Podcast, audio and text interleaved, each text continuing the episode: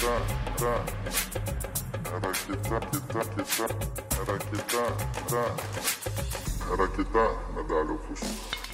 Labadiena, tinklalaidės kita medalio pusė klausytojai, žiūrovai. Šiandien grįžtame į eterį ir turiu labai garbingą viešinę. Tokią garbingą, kad jos pareigybės tiesiog reikia perskaityti. Tai um, Pasaulinės antidopingo agentūros vada, nacionalinių bei regioninio antidopingo organizacijų ryšių skyriaus atsakingoji specialistė Jėva Lukošiūtė Stanikūninė. Sveiki, Jėva. Labą dieną.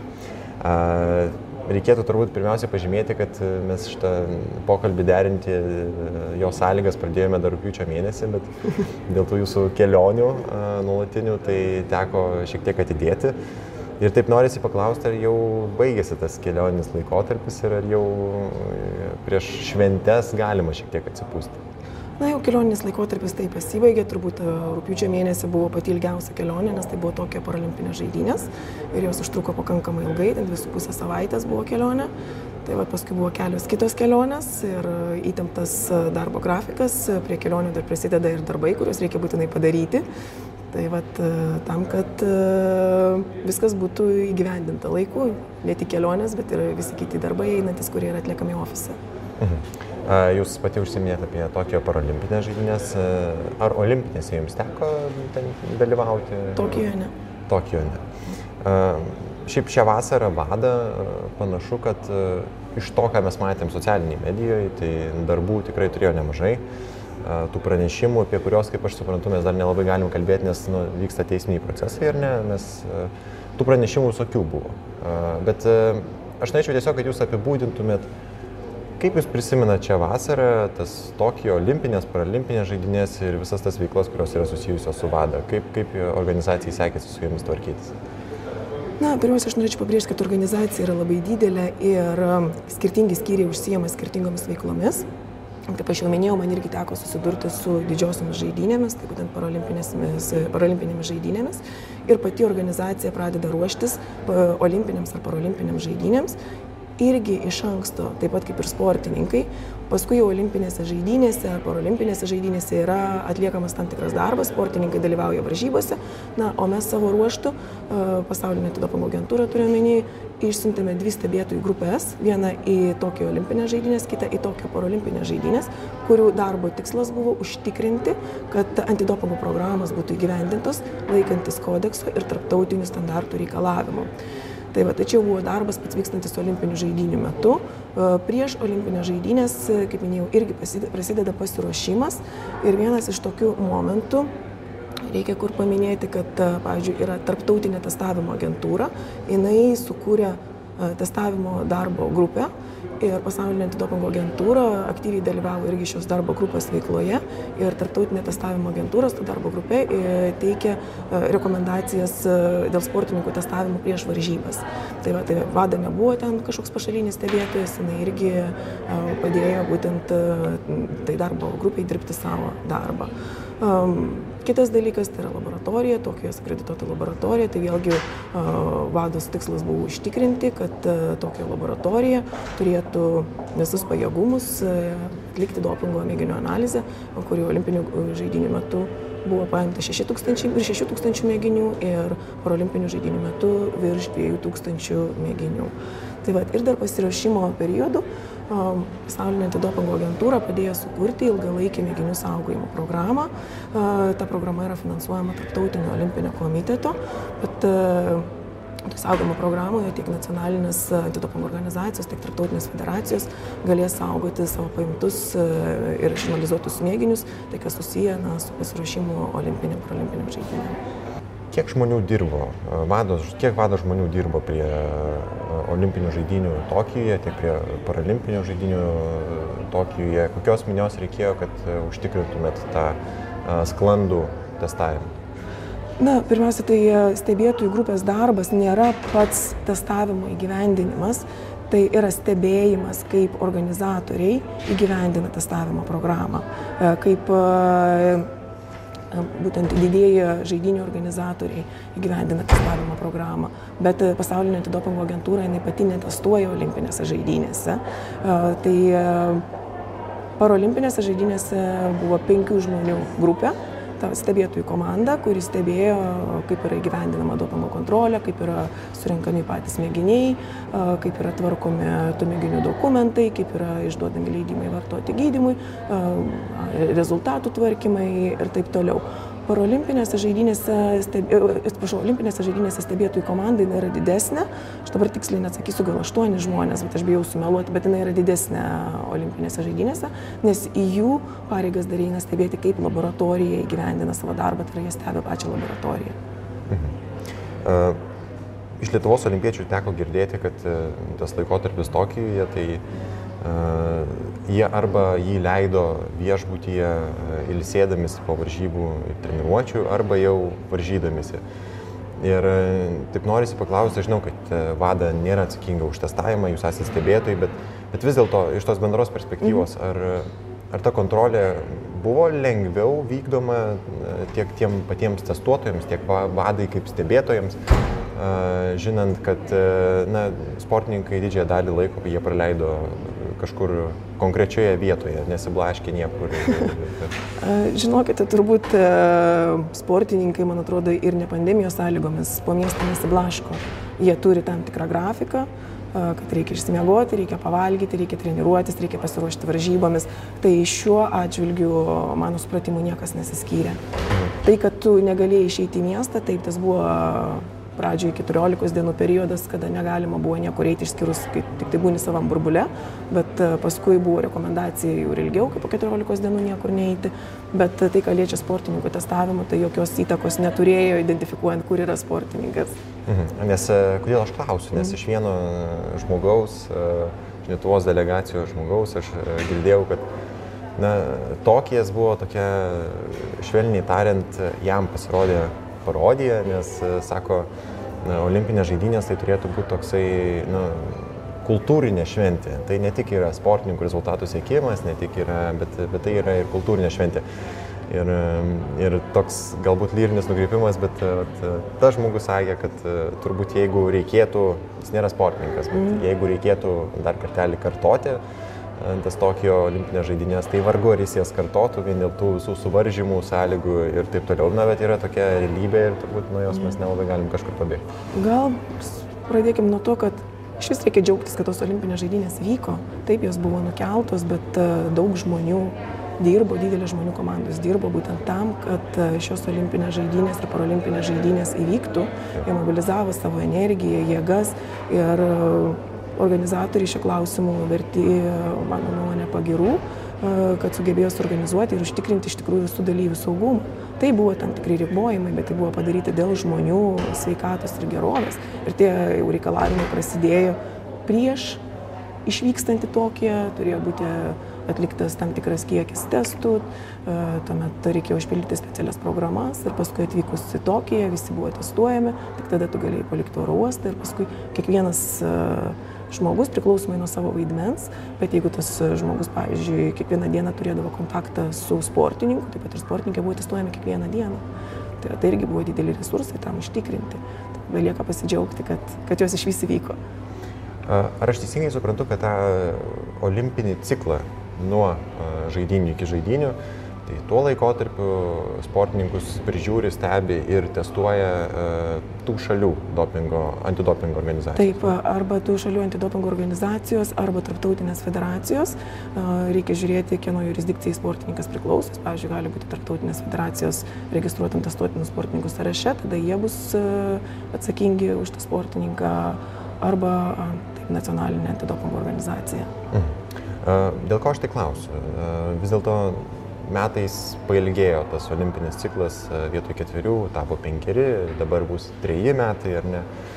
Ar tai sudaro kažkokių kliučių uh, sportininkų stebėjimui ir, ir tų pačių uh, galbūt dopingo vartojimo kažkokių tai nuostatų pasikeitimui.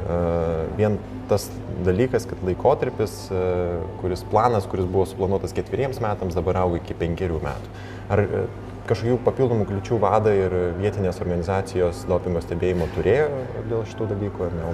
Na, tai, kad e, metais e, ten daugiau ar mažiau e, prieš olimpinės žaidynės, tai neturi įtakos. Mhm. Neturi įtakos yra vis tiek sudaroma rizikos faktorių analizė, sudaromi testavimo planai, remiantis tais rizikos faktoriais, reiškia, tu kitaip vertini rizikos faktorius, perskristai ir viskas. Mhm. Kalbant apie tokį, ar, ar jau vadai yra kažkokias išvadas pateikusi, aš nekalbu apie sportininkų skaičių mhm. pagautų, bet kaip buvo, kaip buvo tvarkomasi Tokijo olimpinėse žaidynėse ir paralimpinėse mhm. žaidynėse? Mhm. Na, šiuo metu jau yra beveik finalinėje stadijoje stebėtojų grupės parašytos ataskaitos. Ir šios ataskaitos, žinokite, jau artimiausių metų turėtų būti publikuotos ir kiekvienas galės susipažinti tiek su rekomendacijom, tiek turbūt su gerosiom praktikom, kas buvo pastebėta būtent iš tų ataskaitų. Mhm. Tiesiog vat, turėtų būti greitų laikų publikuotos. Tai kažkokios dabar bendros nuostatos e, mes išvelgti negalim, ar ne, kol nėra tų mm. ataskaitų. Supratau. Bet ar buvo kažkas, ką vadai išsinešė iš tų Tokijo olimpinių žaidynių, kažkokios pamokos, kurias jas išmoko, kas liečia turbūt Pekiną, kuris visai ne už kalnų, ar, mhm. ar, ar kažką vadai išsinešė iš tų Tokijo olimpinių žaidynių? Na, pirmiausia, tai turbūt visiems yra pamoka ta, kad net ir tokiamis kaip pandemijos sąlygomis, tikrai neįprastomis sąlygomis yra įmanoma suorganizuoti žaidynės, jeigu visi mobilizuoja savo energiją ir jėgas, įskaitant ir antidopingo bendruomenę ir atlieka savo darbą. Taigi, o šiaip pačių žaidinių metu turbūt verta paminėti, kad kiekvieną dieną iš tikrųjų yra pateikiamas atgalinis ryšys organizatoriams, kažkokios tai rekomendacijos ir yra ta, taisoma tai nuolatos. Tai, tai nėra taip, kad organizatoriai irgi sužinos rekomendacijas tik tai su ataskaita, jiems buvo tai pateikiama nuolat. Ir jie galės jau, na, kuriant savo testavimo programą, kitom žaidynėm atsižvelgti į tai. Mhm. Tai būtent apie tą programą, mhm. kad jau užsiminėt, ar, ar po Tokijo atsirado kažkokių naujovių, kalbant tiek apie kontrolės sistemą, tiek apie tas neleistinų medžiagų sąrašo mm. papildymą. Šiuose srityse yra kažkokių naujų dalykų. Na, tok, atsiprašau, Pekinui pasiruošimas vyksta panašiai kaip ir Tokijoje, vėlgi yra dalyvaujama uh, ir padedama tai, tartautiniai testavimo agentūrai, jos darbo grupiai, testavimo darbo grupiai, būtent pateikti rekomendacijas dėl sportininkų testavimo. Šiuo metu yra pateikta 1400 rekomendacijų nacionaliniam antidopingo organizacijom, tarptautiniam federacijom bei regioniniam antidopingo organizacijom.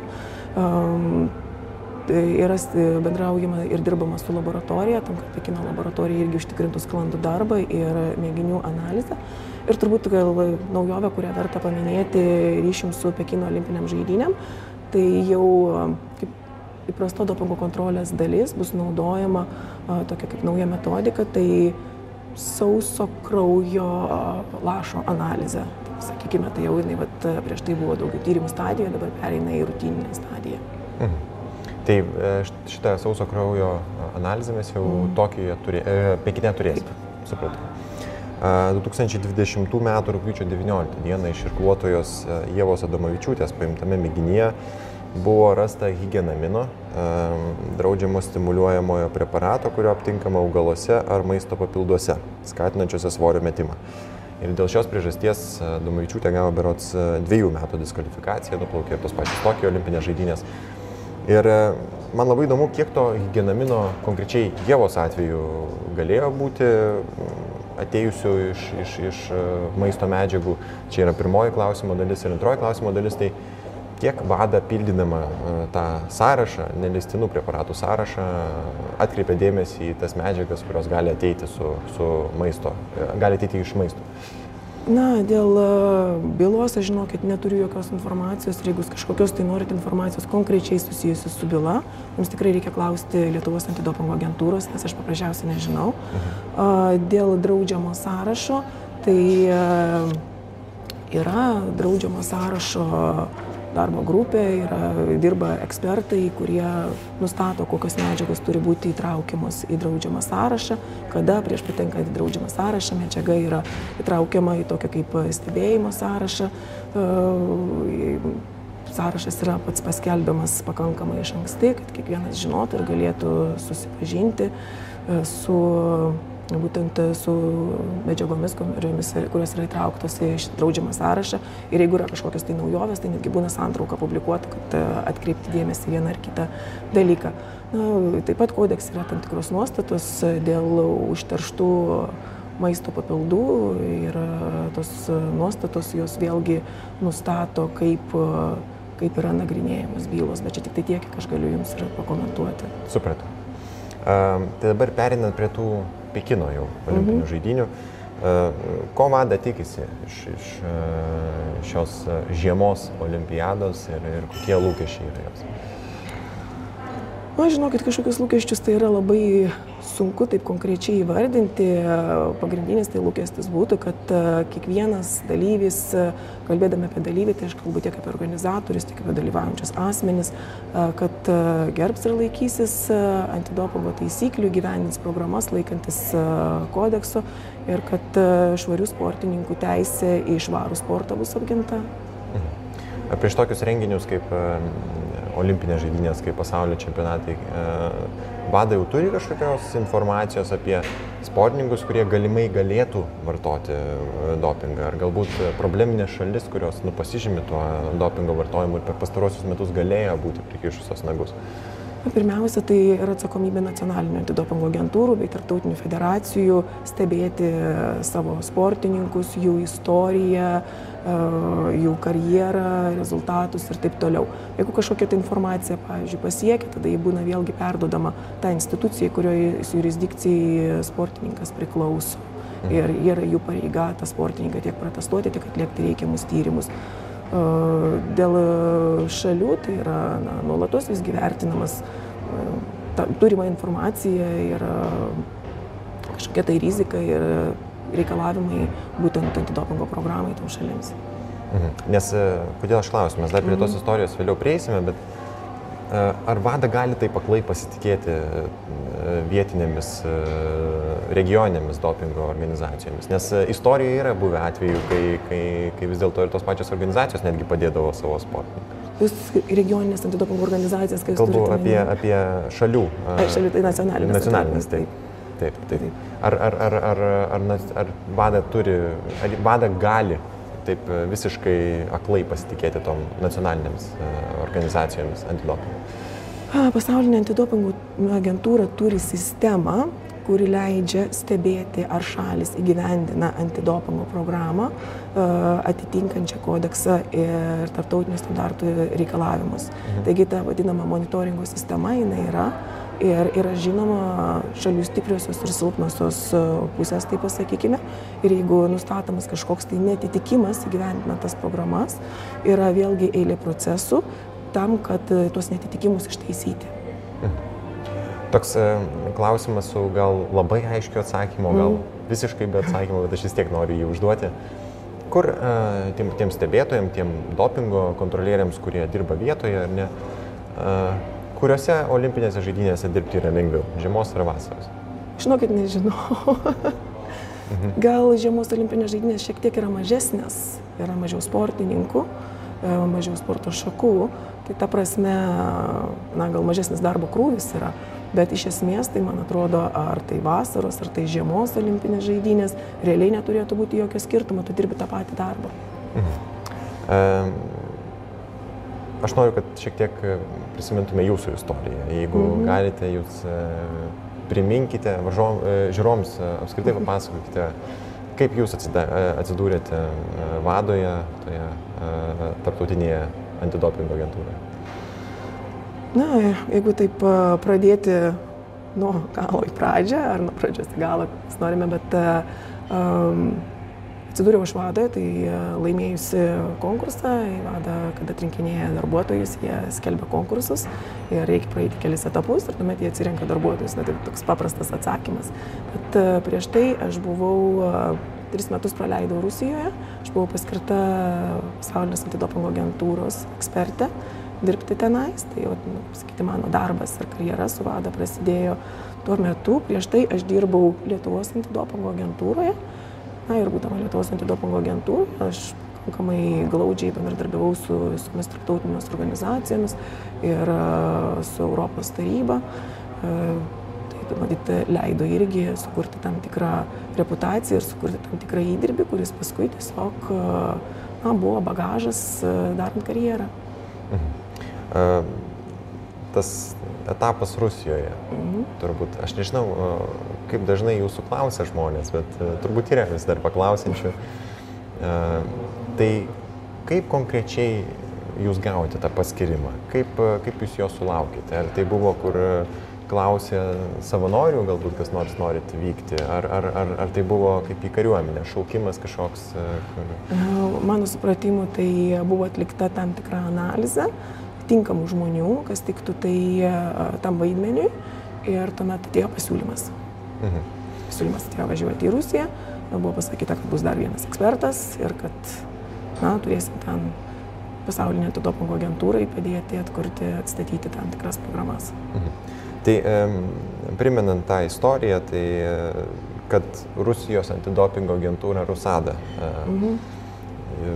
Buvo prikišusi nagus prie, prie savo sportininkų gerų rezultatų, išaiškėjo 2015 m. rudenį. 2016 pavasarį vadai jūs paskyrė į Rusiją. Ir, ir ne tik turėjot prižiūrėti Rusadą, bet aš kaip suprantu ir narplioti visokius siūlų galus ir aiškintis, kas tenai nutiko. Ar, ar, ar, ar vis dėlto tai buvo tiesiog kontrolė? Ne, man nereikėjo narplioti ir aiškintis, kas tenais nutiko. Aš tyrimų netlikinėjau. Mhm. Mano darbas buvo tai būtent atstatyti antidopingo programas, kad jos atitiktų pasaulinį antidopingo kodeksą ir tartautinius standartus. Nes na, įvykus skandalui reikia suprasti, kad labai daug žmonių paliko Rusadą. Tai reiškia, tas žmonių visų nebebuvo, tai nebebuvo specialistų, buvo atleisti visi dopingo kontrolės pareigūnai. Kažkam tai reikėjo sukurti visą šitą sistemą antidopingo iš naujo. Tai vat pagrindinis darbas buvo nustatyti, kokio dydžio antidopingo programa yra reikalinga, kad jinai atitiktų visus reikalavimus, kokio dydžio žmogiškieji ir finansiniai resursai reikalingi tai programai įgyvendinti. Na ir tuomet e, padėti, surasti tinkamus žmonės tam darbui įgyvendinti, surasti kas gali suteikti kažkokią tai pagalbą, apmokinant vieną ar kitą žmonių grupę ar žmogų, tai gali būti kita antidopingo organizacija ir taip toliau. Tai yra, vat, kas gali padėti būtent e, išvystyti tas e, kompetencijas tų žmonių, kad jie galėtų įgyvendinti antidopingo programas, nes reikia suprasti, kad irgi žmonės atėjo nauji, jie nežinojo, kaip tai daryti. Mhm. Tai va, ir, ir daug žmonių buvo naujų reikėjo sukurti iš naujo ir prižiūrėti, kaip sukūrima iš naujo būtent dopingo kontrolės pareigūnų um, mokymo, apmokymo, atrankos tvarka, akreditavimo tvarka, jų darbas ir taip toliau, kad matyti, kad, būtų, kad jie turi tam tikras gairės, kuriamis jie gali vadovautis. Na, darbas iš tikrųjų buvo labai žemiškas. Mhm. Tai at, atvažiuojate į Maskvą, ar ne, mhm. į tą Rusados būstinę ką pirmiausiai matote, ką pirmiausiai darote, kaip viskas vyko, kaip, kaip, kaip rutuliojasi tie įvykiai? Ne, pirmos dienos tai aišku buvo įvairių susitikimai. Buvo atvykę ir kolegos iš pasaulinės antidopingo agentūros, ir iš Didžiosios Britanijos antidopingo agentūros, nes tuo metu Didžioji Britanija įgyvendino antidopingo programą iš tikrųjų Rusijai, kadangi Rusija netekusi, Rusada netekusi tos kodekso atitikimo, jinai ir neteko teisės įgyvendinti didžiąją dalį antidopingo programų, tai kažkas tai turėjo tai daryti. Tai va tai buvo už tai atsakingi, tai buvo susitikimai, buvo na, nustatymas poreikių. Tuomet tiesiog prasidėjo rutininis darbas, analizė, kas yra šiandien, ką mes turime, kur mes turime būti ir kaip nueiti nuo čia dabar iki ten, kur mes turime būti. Mhm. Supratau. Ar ką per tą laikotarpį Rusijoje pavyko nuveikti? Kitaip tariant, ar pavyko įgyvendinti tuos tikslus, su kuriais išvažiavote ten? Taip, Taip. Tikslus pavyko įgyvendinti 100 procentų, buvo sukurta organizacija, kuri buvo pajėgi įgyvendinti, pajėgi įgyvendinti antidopingo programą, atitinkančią kodeksą ir buvo atlikti du auditai, kurie tai irgi patvirtino.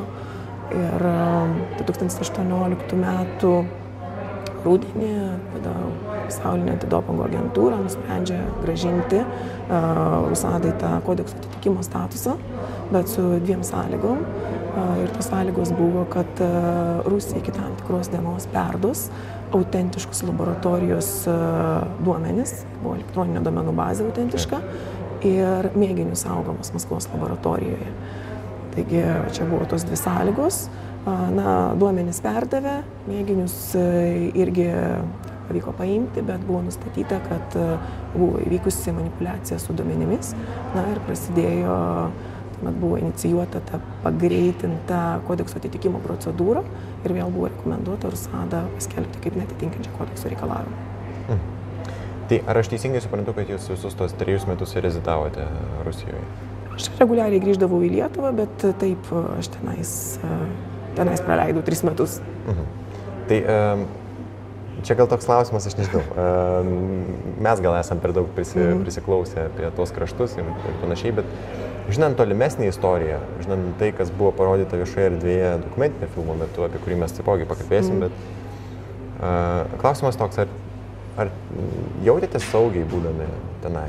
Jūs ir, ir dar vienas kontrolierius, ar ne, kuris buvo paskirtas. Ar, ar, ar, ar tikrai jautėte saugus dirbdami tą darbą, kurį jūs turėjote? Žinokit, absoliučiai jaučiausi saugiai, jeigu jau taip mhm. sąžininkai atsakyti. E, tikrai, kadangi visgi reikia suprasti, kad mūsų ir tas mandatas, darbo tikslas, visgi nebuvo kažką tai vykdyti, kažkokius tai tyrimus ir taip toliau. E, mūsų mandatas buvo suteikti pagalbą, kuri buvo tuo metu reikalinga.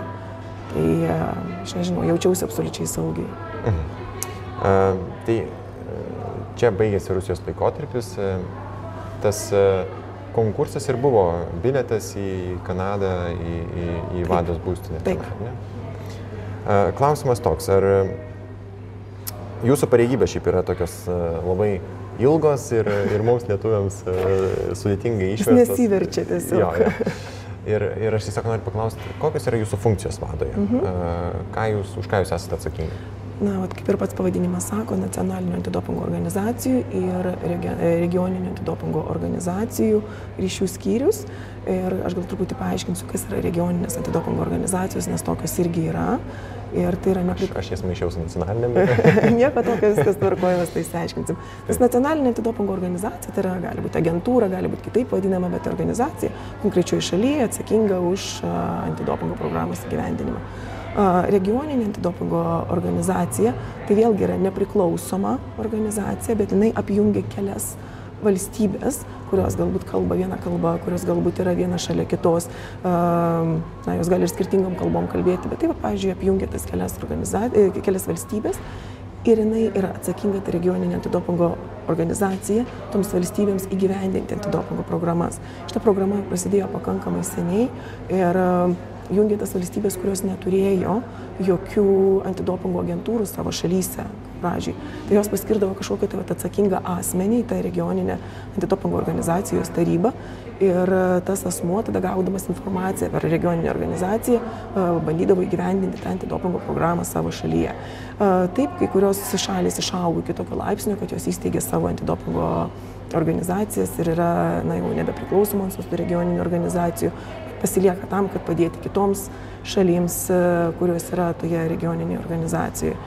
Tai mes irgi teikiam tom regioniniam organizacijom pagalbą, tokia kaip e, finansinė pagalba, pavyzdžiui, testavimui. E, mes nuolat teikiame pagalbą jų personalui, kad personalas būtų apmokytas ir žinotų kodekso reikalavimus, standartų reikalavimus, nes tai dažniausiai būna labai maža žmonių grupė, kurie dirba tenais ir jie galėtų tada savo šalims narėms padėti įgyvendinti antidopingo programas.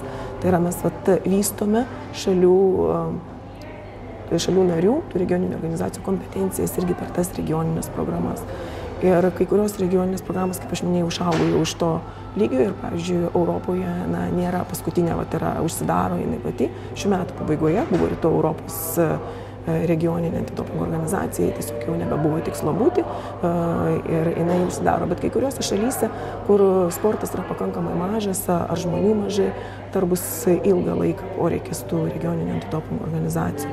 Tai vat, Kaip aš ir minėjau, mes būtent organizuojame vairius mokymus jų vadybininkams, bendraujam konkrečiai su konkrečiu vadybininku ir per tą vadybininką mes irgi padedam tom šalim narėms vystyti savo antidopingo programas. Pavyzdžiui, išrenkam kelias šalis, kurios, kurios na, turi pasitempti antidopingo srityje, nes jie turi pakankamai gerą sportą ir tuomet mes sukūrėme planą ir padedame kartu su tais vadybininkais regioninių organizacijų na, tą planą įgyvendinti ir sukurti kažką tai vienoje ar kitoje valstybėje.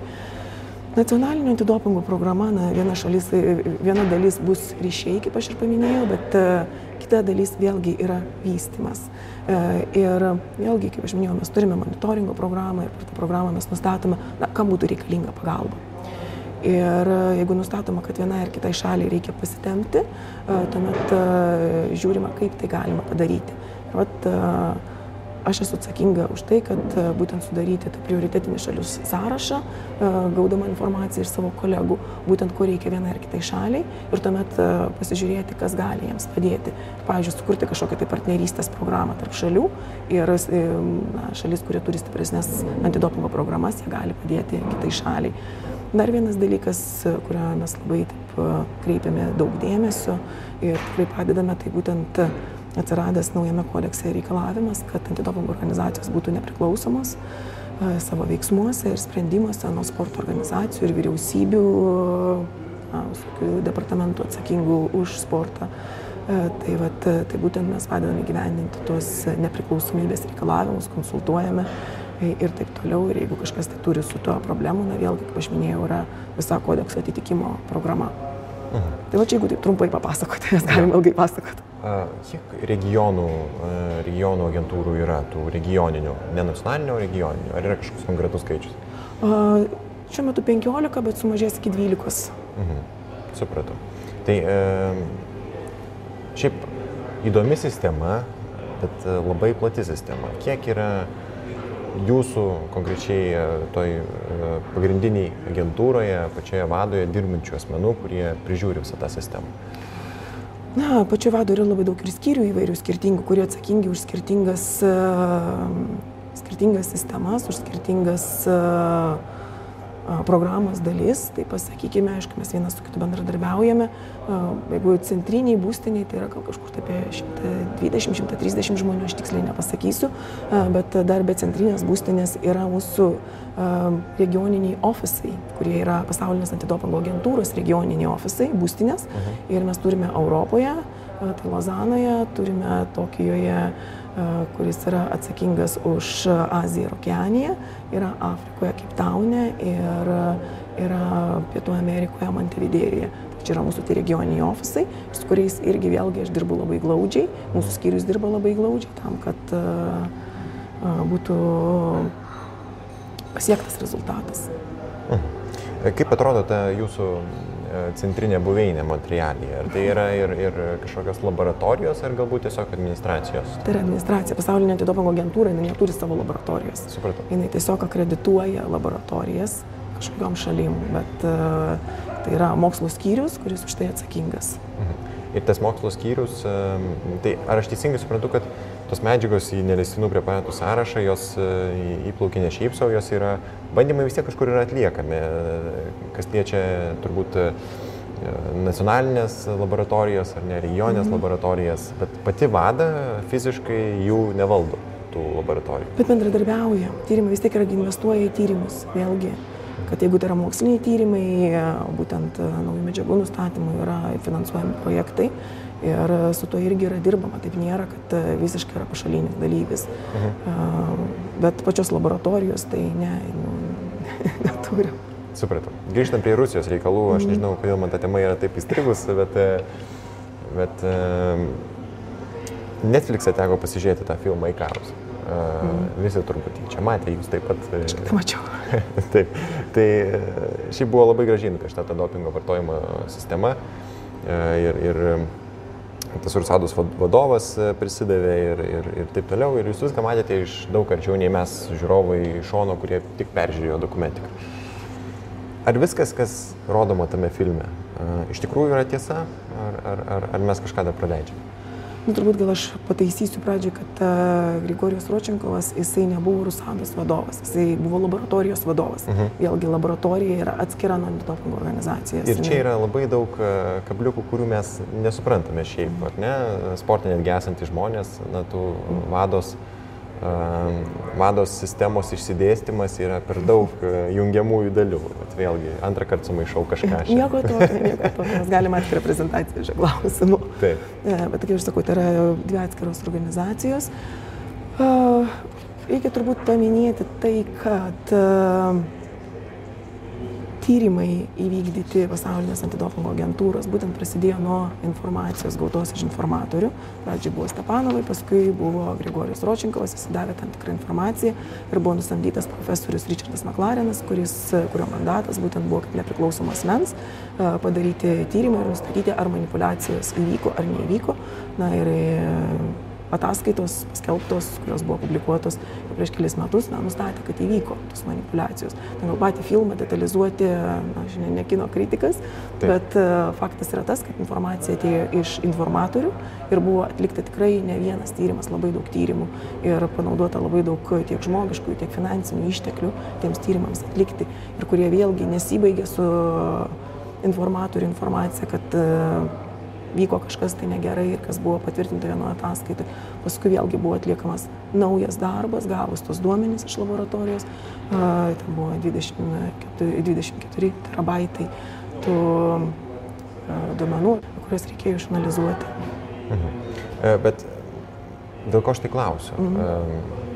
Ar, kaip Jūs galvojate, ar tas filmo išėjimas, tas įkarpso išėjimas, uh, Ar jis prisidėjo prie tos antidopingo politikos šiek tiek e, galbūt stiprinimo kai kuriuose šalise? E, tas filmas vis tiek atspindėjo tas vertybės, nu, kurias, kurias, kurios būtų sektinos, ar ne? Mhm. Ne tos, kurios, jis kaip tik parodė tas, kurios yra blogosios, bet to pačiu ir pasakė, kokios yra tos sektinos vertybės. Ar, ar tai prisidėjo prie, prie antidopingo politikos uh, stiprinimo? Aš manyčiau, kad informatorių toks išėjimas viešumą prisidėjo prie tam tikrų sustiprinimo, tam tikros antidopingo politikos, kad pirmas dalykas tai parodė, kaip yra svarbi ta informacija ateinanti iš e, informatorių ir į naują, naują pasaulinį kodeksą, kuris įsigaliojo nuo 21 metų, buvo įtraukta kaip taisyklių, antidopingo taisyklių pažeidimas 11, kad bandymas kažkaip tai gazdinti ar trukdyti informatoriams pateikti informaciją, atgrasyti juos nuo pateikimo informacijos, kad tai vėlgi yra antidopingo taisyklių pažeidimas. Tai atsiranda kažkokia tai didesnė informatorių apsauga. Mhm. Bet, uh, vat, žengiant dar šiek tiek toliau, tai vis vien yra tų spragų vis vien yra spragų, pro kurias tie sportininkai pralenda, ar ne? Kodėl? Net, netgi žinodami, kokios yra pasiekmes, kokios yra diskvalifikacijos ir taip toliau, jie vis tiek bando surasti tas kylės ir pro jas pralysti. Kaip Jūs galvojat, kada šitą neteisybė kitų sąžiningai dirbančių sportininkų atžvilgių turėtų baigtis? Um, turbūt čia verta pradėti kalbėti nuo švietimo programų. Visgi pagalvokime, kad e, sportininkas, jisai ateidamas į sportą, svajodamas laimėti olimpinį ar paralimpinį medalį, jis negalvoja apie tai, kaip vartoti dopingą. Jisai galvoja, kaip laimėti vieną ar kitą medalį. Vadinasi, kažkur tai spragos atsiranda sportininko karjeroje vėliau, kodėl taip, kad atsitinka taip, kad kai kurie pažeidžia antidopingo taisyklės. Bet antidopingo švietimo principas visgi remiasi tuo, kad sportininkai ateina į sportą švarus ir dauguma švarus išlieka iki karjeros pabaigos. Tai mūsų pareiga iš tikrųjų yra turbūt gyvybiškai svarbus principas vis, ir tai pareiga visiems užtikrinti, kad sportininkų teisė į švarų sportą, sportininkų teisė į tą svajonę olimpinio ir parolimpinio medalio, kad jinai būtų švari, kad jie galėtų visą savo karjerą mėgautis, varžydamėsi švarus ir po savo karjeros pabaigos negalvoti apie tai, kad kažkas tai gali dar atsitikti, kad jie būtų ramus, kad tai pasiekė švariai. Tai va, tas va, švietimas, jis turi prasidėti nuo tos dienos, kada sportininkas, tas jaunas vaikas ateina į sportą, paklauskite jų, kodėl jie atėjo į sportą. Vienas pasakys, mama atvedė, kitas pasakys, na, man tiesiog smagu. Man smagu būti su draugais, man smagu varžytis, aš gerbiu savo varžovus ir taip toliau. Ir tuomet reikia tas vertybės palaikyti, sportinės ir ugdyti. Kada mes pereiname į kitą lygį, tuomet jau reikia sportininkui aiškinti, kas yra galima, kas yra negalima, kodėl yra negalima kad jisai žinotų, kaip pasižiūrėti draudžiamą sąrašą ir perskaityti, kaip jį suprasti, kad jisai žinotų, kad jam yra taikomi tam tikri reikalavimai, jis galbūt yra geras sportininkas, jis turi pateikti savo buvimo vietos e, registraciją ADAM sistemoje kad jisai žinotų, kokios yra pasiekmes, kad jisai žinotų riziką maisto papildų ir taip toliau. Čia mes jau pradedam jį mokinti, ką jis turi daryti ir mokinti, kaip jisai turi daryti. Bet vėlgi, sakau, tas švietimas prasideda nuo ateimo iki sportininko na, egzistavimo sportinėje karjeroje, kad būtent iš, padėti jam išlikti švariam. Nes dar kartą paminėsiu, juk ateina visi švarūs ir tikrai niekas negalvoja, kaip, ką man dabar suvartoti, kad aš laimėčiau tą olimpinį medalį. Ir tiesiog tie vaikai paklaus, kad jie nori to olimpinio medalio ar paralimpinio medalio, tai yra jų svajonė. Ir jeigu pasižiūrėsime mes į, vėlgi aš paminėsiu, tą 21 metais įsigaliojus pasaulinį antidopingo kodeksą, tai antidopingo švietimas yra tyčinio ir netyčinio dopingo vartojimo prevencijos dalis kartu su kitomis prevencijomis priemonėmis, tokiamis kaip užkardimas, kaip nustatymas, kaip pareigojimas laikytis taisyklės ir taip toliau, užtikrinimas, kad būtų laikomas taisyklės ir taip toliau. Ir vėlgi buvo priimtas naujas standartas, iki to laiko jo nebuvo, tarptautinės standartas švietimui, kuris konkrečiai pasako, ką kodeksą pasirašiusios šalis turi daryti, kad įgyvendintų reikalavimus atitinkančią švietimo programą. Mhm. Bet vat, paminėjot vertybės. Vertybės mhm. tikrai yra be galo svarbu. Bet tie sportininkai, kaip Jūs galvojate, ar vis tiek jų varomoji jėga, jiems reikia iš kažko gyventi. Nėra taip, kad jie gyvena medalėje neatsikas, ar ne, mhm. ir, ir medalio nesuvalgys. Ar šioje vietoje kažkur figuruoja finansai ir finansavimas, nes mes žinom, kad laimėdami tą medalį jie atidaro savo vartus į, didesnės, į didesnį finansavimą, ar ne? Kaip šitą sukontroliuoti? Ar tai yra galbūt ne tiek vertybių klausimas, bet kažkada jau pakišta koja, kuri nu, jiems reikia iš kažko gyventi vis tiek? Kiekvienas sportininkas turbūt susiduria su tam tikrais rizikos faktoriais savo gyvenime ir tai tie rizikos faktoriai gali būti perėjimas iš vieno ligmens į kitą sportinį lygmenį, kažkur tai gal iš mokyklinio staigiai kažkas iššoko į nacionalinį, galbūt kažkas tai buvo ilgą laiką sutraumuotas ir grįžta po traumos į sportą.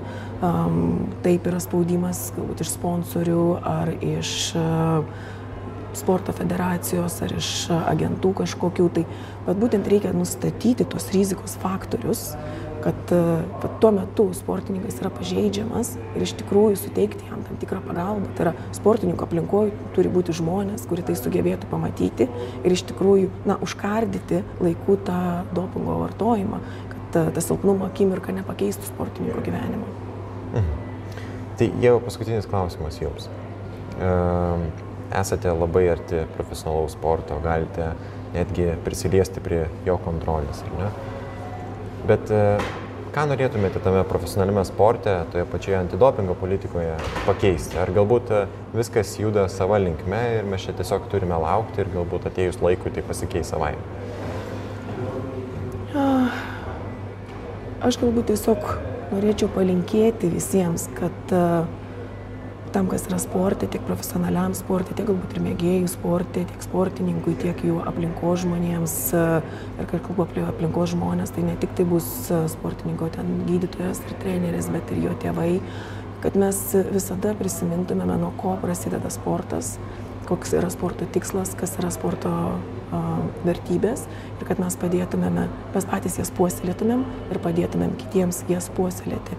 O antidopingo, pasaulinė antidopingo agentūra turi sukurtą sistemą, turi daug įvairių ekspertinių bei darbo grupių, komitetų, na, kurie nustato taisyklės, sukuria programas ir padės gyvendinti būtent tas antidopingo programas tam, kad sportas išliktų kiek galima žvarus. Mhm. Tai Ačiū Jums labai už tai, kad Dėkui. E, pagaliau radome laiko, Jūs radote laiko ir mes galėjome susėsti ir pasikalbėti. Tai dar kartelį ačiū. Ir ačiū visiems e, klausėjams ir žiūrėjusiems, būtinai paspauskite prenumeruoti, e, mygtuką prenumeruoti, nes jums tai tikrai nieko nekainuoja, aš tai tikrai žinau. O man bent jau tai yra labai didžiulė paskata kurti toliau. Tai ačiū Jums. Dėkuoju. Ačiū Jums ir iki kito karto.